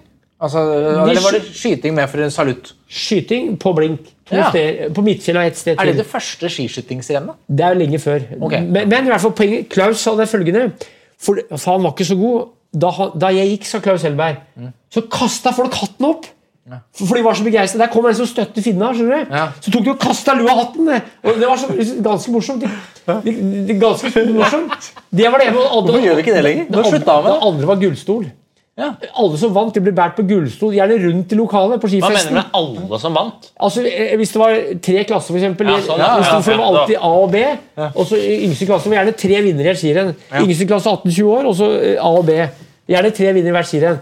Eh, På fem eller tre mil eller 18 km, i hvert fall på 18 km. Og da bar de de gutta rundt i lokalet. Det var ikke bare at de løftet den, de bar det rundt på gullstol. Eh, Og, og, det, og, det, og det med hattekasting eh, Jeg, jeg skrev en bok om løping, og da om Nurmi her. Så var det en gang Nurmi løp et jævlig stort løp i Sverige. Er Og da- Nurmi? Nurmi det er jo tidenes finske langdistanseløper. Født i 1897, død 1973. Verdens beste langdistanseløper på 1500 til 10 000. Han var god i 20-30-åra. Han løp et stort løp i Sverige, og da var det telefonrapport til Finland utafor den finske sportsavisa der. Og da, Der sto det flere, flere tusen finner samla, og, og da han vant, så kasta alle hatta oppi. Så jeg tenkte på Var det mange som ikke fikk tak i Ja, for det var det Ja, var ja, ja, ja, ja. Alle, det alle hadde lik hatt. Er Altså. det her hattene roter seg sammen og hatte, altså er hatteleker? Er det der vi, vi har dette fra? Det var to typer hatter. Det var hatter og sixpence-luer. Så noen kastet sixpence-lua. Fikk en hatt tilbake. Ja, for hvis du, hvis du, var, hvis du var ungkar og arbeider, så hadde du sixpence-lue. Var, du- var, var du gift og hadde bra jobb, var fun- funksjonær, så hadde du hatt. Ja, det var derfor de alle de som Ja. var dårlig gift, de kasta hatten i håp Ja. om å få Ja, tak i ja, en ja, sixpence. ja. Bytte. Så det var, det var, det var nesten noen skikker i idretten som, som, som er dødd ut. Og det her beskriver jeg i noen bøker. og Det synes jeg er artig, for det var sånn veldig faste skikker altså i, i samfunnet. altså Alt glir ut. vet du. Eh, Da jeg vokste, så spiste folk middag på samme tidspunkt. Det var gjerne sånn at Folk hadde samme retten hver dag. Eh, Vi hadde risgrynkjøtt på lørdag, så, så var det ganske fast. Det er mulig at det er sånn nå, men det var mer av det på 70-tallet. da jeg vokste opp, Ja, taco er fredag. ja, ja men, men poenget er at det var, altså- hvis det var skirenn, så visste folk at ja, da var det kanskje prøvehopping, og så var det skigong, og så var det skiseksa, og den varte fram til natta. Og så, da overnatta du der. Ja. Da måtte du gjerne overnatte én eller to netter for å være med på skirenn. Uansett, Om det var kanskje tre mil unna. Men, men det, det, det nå er inne på noe spennende. For det, det jeg har hørt deg fortelle om folk som deltar i Holmenkollen, Ja. Femla, Ja. og som går til start, og Ja. så går tilbake. det er det, er det Det er fjams. Det fins noen sånne vandrehistorier som er feil. En vandrehistorie som er feil, Ja. det er at Truls Bråten fra Modum Det sies at han gikk, til, gikk om morgenen fra Modum til Oslo og vant femmila, Ja. og gikk tilbake om kvelden. Det, det er feil. det er feil. For det, Men, men, men det som er riktig, er at han gikk til Oslo, eller Kristiania fra Modum, det er vel fem-seks mil kanskje, eh, dagen før eller dagene før, vant femmila og gikk tilbake. Det er sant for ett av de åra der. Han hadde jo ti unger og var tømmerhugger. eh, var sånn så gikk han faktisk Det sies 23 km hver vei. Altså om dagen gikk til 46 km som trening i tillegg til tømmerhogst. Ja. Eh, Men det skal han ha gjort en vinter, eller en, en periode en vinter. Det, det var en annen svensk skiløper som hadde 17 mil til jobben. Han pendla til hver 14. dag. Han gikk 17 mil på ski hver 14. dag. Én vei eh, for å komme til fra jobb. Det gjorde han i en, en sleng. Men eh, det finnes masse eksempler på folk som har gått på ski til Kollen. Ta f.eks. 1906. Så er det Elling Rønes som er en av mine favoritter. Han var 1,63, ja. altså jævlig liten, og vant jo femmila i 06, 07, 8 og 16. I 1906 så høgg han tømmer i Trysil. Han var fra nord i Trysil. Da bodde han i ei koie som grisen ikke kunne bodd i i dag, for det var så dårlig standard. Det var sånn gjørkoie. Kanskje var åpen i taket. Var, det var, sånn fla, fla, det var ikke noe ovn, det var flamme innvendig, eller bål innvendig, tror jeg. Der høgg han tømmer, og gikk på ski da en natt fra Trysil til Rena. Det var sju mil om natta, for da, da skofta han ikke jobben. For Hvis du skofta jobben, så tapte du penger. Skjønner du? For det var jo Ja, ok, ja, ja. Han gikk på ski fra eh, Trysil til Ren om natta, sju mil. Tok toget til Kristiania, gikk av det som het Østbanen borti her. Gikk på ski opp til Frognersetra, og det var forferdelig møkkaføre. Og da vant de på 5.33. Da, da løper hun Men, men, Ja, ja, ja, ja. men hva slags type, hva slags type altså Du sier gikk på ski til, men altså, eh, var det sånn, da bare fulgte du hovedsporet? Ja, hør, hør, hør, hør. Det som skjedde da, var at i den tida her var det veldig mange For det første mange hesteveier, tømmerveier, hvor det var mye hestemøkk. Og da sa de på spøk at har du det bakglatte ski, så sparker du fra møkka, for da får du feste. skjønner du? Ja. Det var Men ikke smøring på den Ja. Det var ikke noen form for smøring. Rødnesen i 06, han, han hadde bare Kyru. Hadde Kjære. Kjære. Kjære. ja, det var det. Så du hadde en smøresone, eller? De hadde Kjære under hele skia. Under hele. Det var et dårlig glid. Ja, for det kjære det gjør, det er det er beskytter det mot vann. truger. For skia kunne jo trekke vann. vet du, så På en femmer kunne skia doble seg i vekta, og spennet kunne gå. Så de satt jo, satt jo, satt jo skia i spenn mellom hver, hver, hver helg. Så spennet for, så satt de med sånn kloss og satt de skia i spenn. Men Rødnesen i 06 han, han gikk da sannsynligvis enten faste skispor for i bygdene, og sånn var det fram til jeg vokste opp. Så var det faste skiløpere som ble tråkka hvert eneste år. Så da jeg vokste opp på 70-tallet. Det ble bare noen, noen Den som starta første turen, den da jeg gå. vokste opp på 70-tallet i Brumunddal, så var det, det, var, det var to typer løyper. Det var de løypene som folk gikk for å trene. Så var det løyper som folk gikk i transport. For da var det fortsatt gamle kjerringer og gubber som gikk på butikken på ski da jeg vokste opp. Ja. Og i Trysil for eksempel, så var det masse faste skiløyper. Som jegere kanskje gikk der. Og så var det noen som hadde med isfiske der. Og så, så var det tømmerhogst der, og så var det naboløyper. da.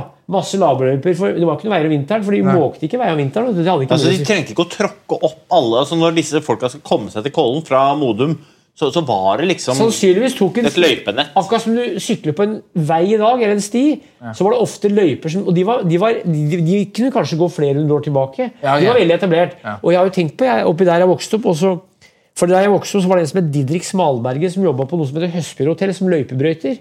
Ja. Eh, Eller han gjorde kanskje det på 60-tallet. Så det var en løy, og jeg har snakka med løypebrøytere som har gått opp løyper for Skiforeningen. Jeg synes det er morsomt det med løypebrøyting. De var profesjonelle løypebrøytere. Ja, men Når var det løypemaskinen ble introdusert? Det første OL med løypemaskin det er 1960 i Squaw Valley i USA. det er så sant. Men det er da en maskin som de bruker i alpinbakke, hvor de grunnpreparerer. Men da har de jo lagd en provisorisk løypemaskin. Men i, allerede i 1941-42 kanskje, så hører vi eksempler på i Norge hvor de, hvor de bruker harv for å harve opp is.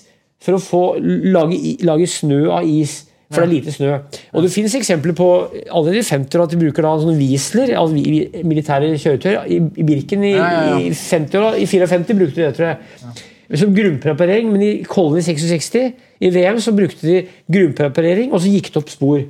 Så spormaskin var det ikke Det første som vi vet som hadde spormaskin i Norge, var vel Åke Vingskog, som var på Pellestova i 69-70. hadde han Fra Sverige, Arvika, hadde med seg oppi der. Men, men, men, men, men, eh, de gutta som gikk, da, de gikk på ski, og Rønes var da her, i 06. Gikk på ski fra Trysil til Rena, gikk opp her til Holmenkollen, og, og premieutdelingen var i Rokokkosalen på Grang. Det er interessant. Du kommer deg 1,63 lang, brunbarka, mager trysling. Prater trysling, ingen skjønner hva han sier. Han prater nesten svensk. Så kommer da den lange, tynne dansken kong Haakon 7. og gir da kongepokalen. Tenk deg for en sosial distanse. Ja. Tilbake da, tok toget fra Østbanen til Rena. Gikk på ski sju mil til Trysil. Tilbake i koia sammen med Karam og spise flesk og havregryn og sukker og kaffe. jeg. For et liv, altså. Ja, men der, der er noe altså, du, altså, du, du Ja, gikk sju mil. Ja. Sånn, jeg har jo gått sju mil mange ganger, og det jeg tenker på da, er sånn her er det ganske viktig å ha med seg nok energi. altså Få i, få i meg noe så ikke jeg går tom.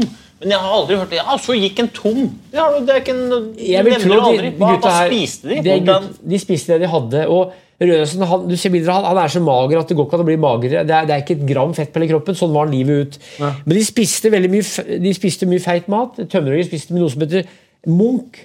Eller slure var jo et navn. Det var et, en rett som bestod av flesk, havregryn og sukker.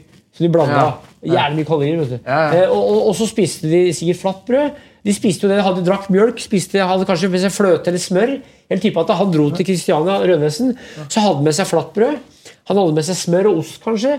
Også noe, og noe, noe tørka kjøtt. eller noe sånt. Underveis i femmila. Ja, da var det, I, i 06 så var det vel eh, brødskiver, mjølk eh, Som de hadde med seg? Som de Nei, fikk som de hadde på master, stasjoner? masterstasjon. Det var mat, altså. men var det den første gang liksom begynte å mm, eksperimentere og profesjonalisere matinntaket? Det skjedde gradvis, og allerede på 30-tallet eller i 20-åra så ser vi det at det, det er folk som har gjort tidsstudier av de på matstasjonen. Det står i Feminisboka. Det er tidsstudier av de gutta. Hvor lenge stopper de? Ja. Og Når du kommer ut på slutten av 20-tallet, så stopper ikke de fleste så lenge. Noen setter seg ned noen minutter, men, men eh, noen går videre. Og da Ja, vi har sett de der gamle klippene av folk sitter i pledd og Ja. koser seg med sånn Ja. suppe. Ja, de og... Ikke sikkert de satser så lenge, men, men de satser med pledd, og så blir de massert av en dame. Og da, men allerede på 30-tallet så er det vørterøl. Og, og, og noen fiffes bananer. De, det som heter Bama senere, tror jeg, de ga jo bananer. I Birken i 32 så var det vørterøl og bananer. Så da kom Hvorfor det vørterøl? Ja, for det, det var sånn styrkedrikk vørterøl. Det var bra. Torkel Ramdal han styrkeløftet drakk vørterøl. Men det er jo sukker, og Ja, det er vel bra, ja. det. Sånn, så vi tror jeg. begynte å drikke det. Så, så det var noe så, så, Det var gærent med saft? men, men, Det er for saftens tid, ikke sant? Det var ikke... Men de måtte spise det de hadde. Men for eksempel, ta hovedlandsrennet i 1909, som var det første NM. Så har jeg sett bilde av de gutta etter at de kom i mål.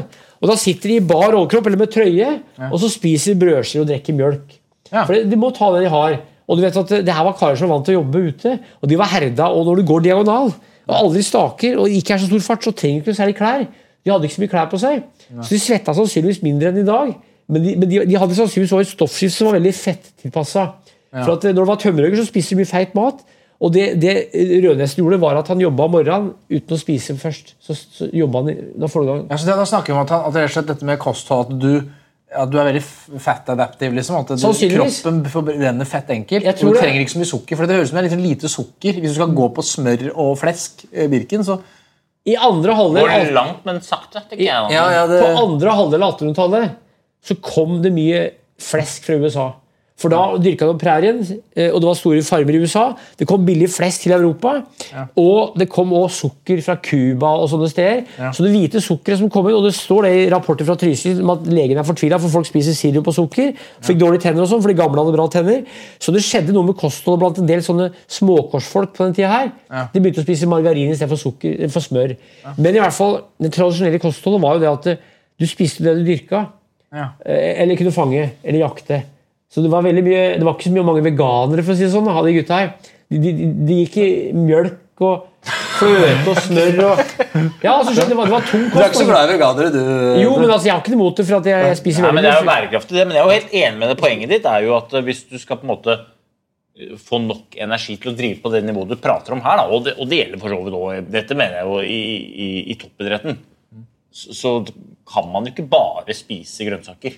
Det, det, det de, de, veganerne som er gode i triatlon, bor i California, de spiser veldig mye frukt. Og hvis du spiser fem avokadoer om dagen, så får du altså, det- Du spiser veldig mye sånne ting. Altså. Men, men, men, men poenget mitt er at de hadde ikke tilgang på mat. De måtte spise det de hadde. Og, og mye av det de spiste, var jo sjøldyrka.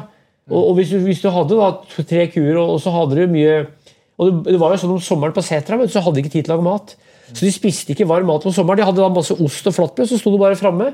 Eh, eh, eller hvis, eller hvis mora som var bodd der, var på setra, så hadde ikke gubben tid hjemme til å lage mat, så de spiste da flatbrød og sånn spekemat. Altså, Ganske energitett mat. da Ja, det må, det var Mye energi på lite. det er ikke sikkert alle tålte det like bra, men hvis du har luka bort halvparten Hvis du går til 19 blank, så døde kanskje ikke halvparten, men i 1850 døde halvparten av unga. Og de hadde, altså før de var, før de var ti år. Da får du luka bort veldig mye svake folk. vet du. Og så er det ca. halvparten av de som vokser opp, som, som formerer seg. Så ca. hver fjerde part av, av 100 som er født, så er ca. 25 som formerer seg. Og sånn har det alltid vært. Dette her er jævlig interessant, for jeg, jeg, jeg, har jeg er da selve allergimann. Jeg tåler Ja. ikke, når jeg øh, ble født, så tålte jeg ikke melk.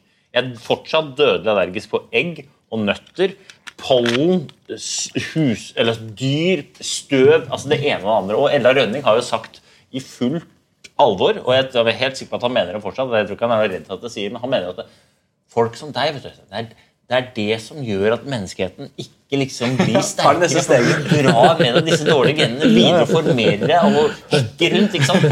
Det er jo, du, Hadde dette vært på 1800-tallet, så hadde du om ikke så blitt eh, om, Kanskje ikke satt deg ut i ulven, men du hadde jo daua. Hadde gitt deg et egg, og så Ja, Men, da men, det ferdig. men har du smakt rå mjølk? Er du allergisk mot det?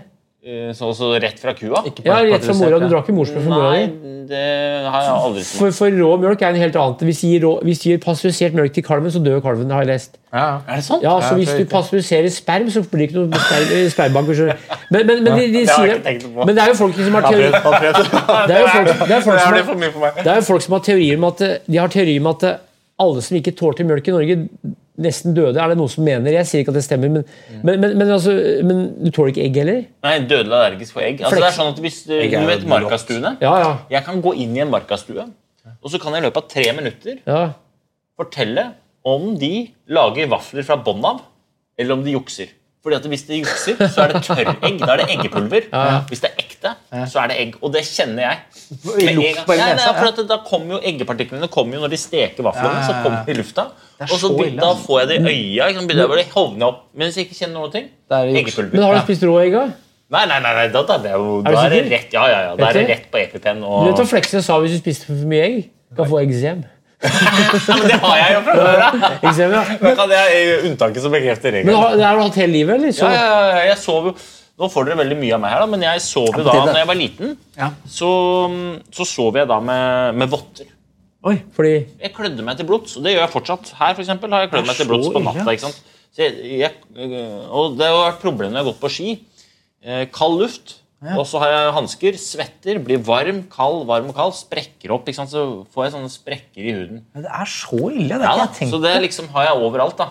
Søsteren min Men det er også noe med det. ferdig, det er ikke noe Hva bruker med du kortison? Jeg bruker kortison herfra til evigheten. Gjør du det? Ja, da blir huden veldig tynn, gjør det ikke? Veldig tynn, og da blir det lettere å få sår. Så det er jo Kortison er ikke bra, det. Nei, Det er det er er det hele kroppen? Er det Hele mest på kroppen. håndleddet? Nei, hele kroppen. Det har kommet en del nytt nå.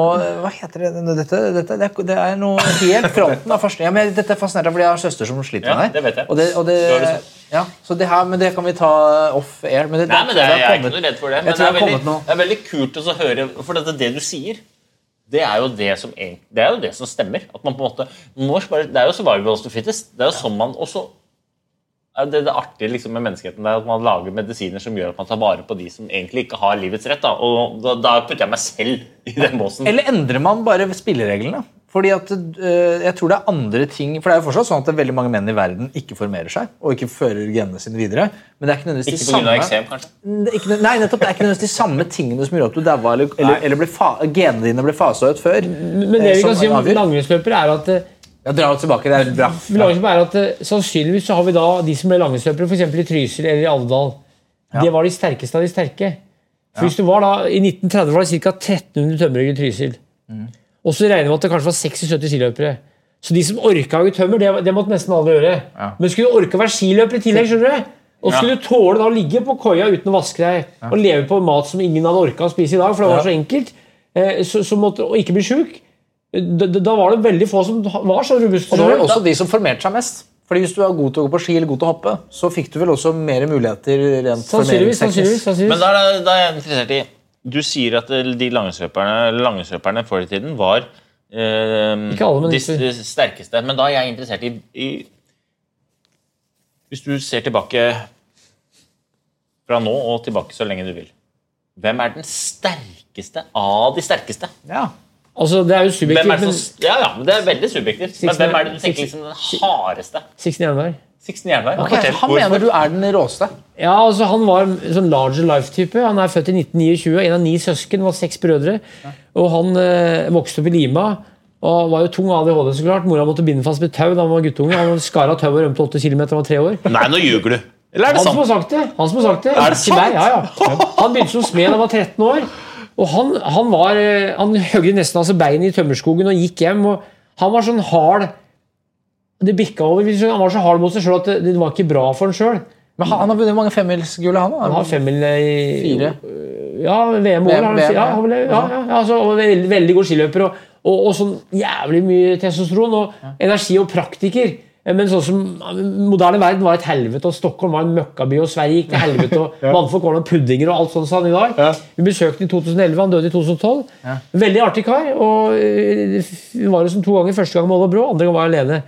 Så han, han, han var, og det tror jeg Mito, det sa både Mito og, og Brå òg, at han, er han var forbildet deres. Og Oddmund Jensen sa det at skitreneren at Sixten Jernberg han var den siste viking. Altså, ja, det er jo Vassberg og sånn, men altså han, han var Brå også er jo ganske ja, tøff i- Men, men Vassberg han tilhørte det gamle tida med kroppsarbeid.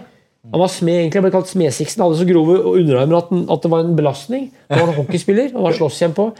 Men han, han- han var eh, også veldig moderne, for han var smart. vet du, For alle skiløpere, gode skiløpere er jo smarte. Altså, han var praktiker, men hadde ikke noen utdannelse, men han var smart. Hva legger du det? Alle gode skiløpere er smarte. Smarte på hvilke Det liker jeg veldig, veldig bra spørsmål. Ja, ja, for det. For å bli langrennsløper Langrenn er veldig sammensatt. Ja. For å bli veldig god langrennsløper så, så må du drive med så mye sammensatt aktivitet i oppveksten. Du må tenke så mye, du må, du må filosofere og gruble. Så Tenker du strategisk underveis i løpet, eller tenker du i treningsarbeid? eller tenker du? alt du gjør fra du er liten gutt, eh, eller etter hvert når du blir mer bevisst, det vet Øystein mye om, så må du tenke veldig mye. Det er sammensatt, og du er alene om det, og du tilbringer veldig mye tid, i hvert fall norske skiløpere, alene i skogen. I Tyskland så går det mye på sånne stadioner, kanskje, men det er en aktivitet som, som, som, som avler mye tankevirksomhet. Det er ikke alltid kanskje at skiløpere har høyest IQ, men det trenger vi kanskje ikke heller. Men det, du, du blir, syns jeg, filosof, hvis du skjønner. Ja. Er du litt enig, eller? Jeg har i hvert fall akkurat skrevet en bok om hva Ja. som skal til for å få til noe, og den boka er jo kverna fram gjennom det du forteller om. da. Altså, mm, jeg, jeg tror ikke nødvendigvis at man blir så innmari smart av å drive og gå på ski, men jeg tror du, jeg tror du, er, jeg tror du har rett i at for å få til for å, for, for å bli skiløper, så må du ta ganske mange bevisste valg gjennom ganske lang tid. Og ganske ung alder. For det er det som jeg, Ja, jeg og, og det er vel kanskje mer og mer Uh, jo tidlig, altså, Jeg vil jo tro at det vil være tidligere og tidligere nå, da, sånn som hvert fall modernisering av idretten er. Jeg tror det der, jeg tror det er inne på kjernen i forhold til det å få til noe. Men så er jo den boka jeg har skrevet, det dreier seg om hvordan man kan på en måte bruke det i alle settinger. For det er jo det samme. altså mekanismen bak, Om det er skiløper du har lyst til å bli, eller om det er noe helt annet, det er jo de samme mekanismene som ligger bak det. Når jeg tenkte smart, så mente jeg også litt praktisk kombinasjon av det praktiske og teoretiske. for at det, Hvis du vokser opp i den moderne verden i dag, hvis det er gutt, så trenger du ikke å kunne noe praktisk. egentlig. Kan du betjene en datamaskin i mobiltelefon, så er du en vinner. Du trenger ikke å kunne noe som helst, men skiløping er selvfølgelig praktisk. det er en altså Hvis du ikke smører skia sjøl, så har du mindre praktisk jobb. Men det er, veldig, det er en sammensatt øvelse, og de har jo funnet ut nå at hvis du bruker høyre, du bruker høyre hjerne, venstre hjernehalvdel, og det er mer oksygen i kald luft, så, så du får veldig mye sånn oksygen i systemet.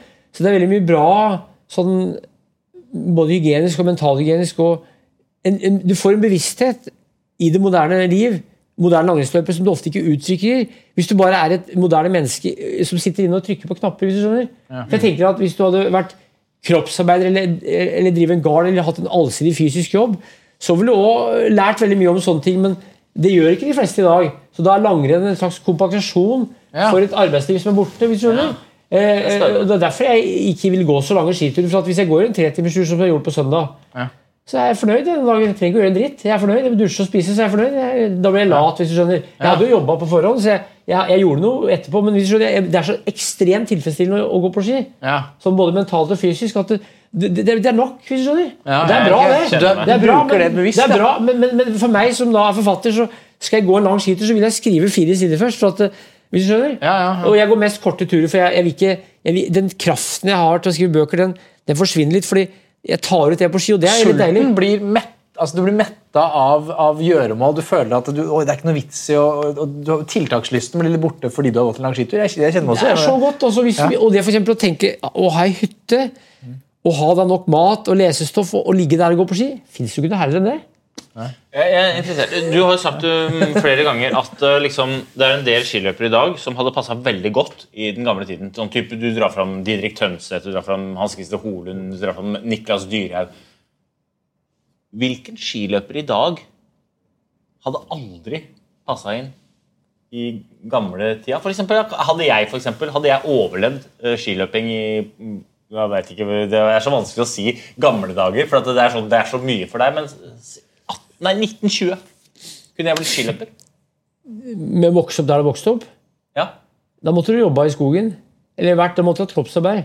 Så hvis du hadde hatt kroppsarbeid, så kunne, for du er jo jævlig eh, anlegg for å få muskler og sånn, så hvis du hadde, hvis du hadde vokst opp for i Du har vokst opp utafor Oslo sentrum. Hvis du hadde vokst opp i Sørkedalen eller Maridalen, så kunne du vært skiløper. Ja, så klart. Ingen okay. om det. Men, men er, når du sier da at, sånn som at for Hans Christo Holund og Øystein vil jeg si da, har ganske ulike genetiske Ja, ja, forutsetninger. For være, og Derfor er det ulike typer Ja. i løypa. Når du sier at Hans Christo Holund ville passa så godt, er det da at de egenskapene han er god på i dag, ville vært veldig overførbare til uh, Jeg tror det, jeg, jeg tror ikke det er så stor forskjell på det er, Du skal se bildet av en som heter Emrit Mellomsmo her. Ja. Han, er, han var med to på femmila for over 100 år siden. Ja, han. men han er jo ganske ikke så ulik eh, Nei, Han er jo ganske muskuløs. Skal vi se folk kan få se her? Jeg vet ikke om de Folk får gå inn og, og kikke. Der, der, ja. Der er det oppe og spiller. Folk får gå inn og kikke. Men jeg er jo enig han er så, Jeg er jo, øh, Hvis jeg skal pirke på noe, så jeg er jo hakket blidere enn det han er. Ja, men han, Der er tatt i forbindelse med femmila. Ja, er da? Du skulle ikke smile på bilder. Nei, nei. Men han, han er da undersøkt, og en del av Ja, de er, jo innmari undersøkt. ja, Han har aldri løfta vekt. hvorfor, måtte man alltid alle stille opp på dette? De, de tok undersøkte hjertet. Fra 1915 så undersøkte de hjertet Før de fikk gå, ja. etterpå. Og Etter- Før, etterpå, før, før ja. etter, da. For å ikke finne han, hvor han reagerer hjertet på å gå på ski. Så dette var en forskningsstudie. Allerede i 1915 så begynte de å forske på femmilsløpere og fant ut at hjertemuskelen hos idrettsfolk den økte i størrelse, og så ble mindre etter hvert når du ga deg. Så de, de visste det for 100 år siden. Så de snakka om noe som heter sportshjerte, som var da å ha stort hjerte. Det visste de om. Akkurat som For det er jo det samme som Ja, ja. alle andre muskler. Hvor kan Ja, ja. vi kjøpe dette magasinet? Det der kom ut i fjor. Ja, hvor, hvor kan Men det her kan kjøpes i butikken. Det her, det her er gitt ut i år. I bokhandelen, liksom. Over- Det du holder nå, er altså da uh, norsk skihistorie. Norsk skihistorie. det er utgitt i år. Det er utgitt i år. Og du gir ut et sånt i året? Ja, Jylland gir ut. Så det, det er, Ja, men det er du som har skrevet det. ja, ja, ja. ja. Det er Blå 1979 Lake Placid. Det er altså det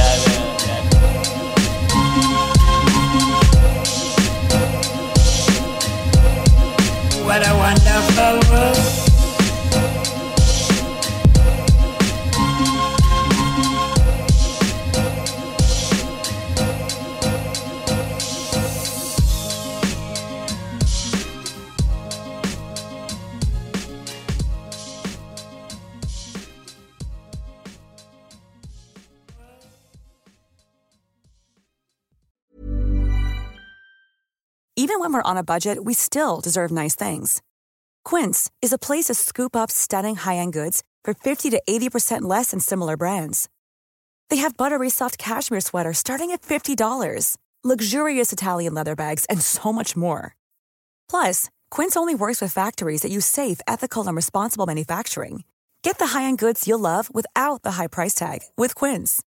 Go to quince.com slash style for free shipping and 365-day returns.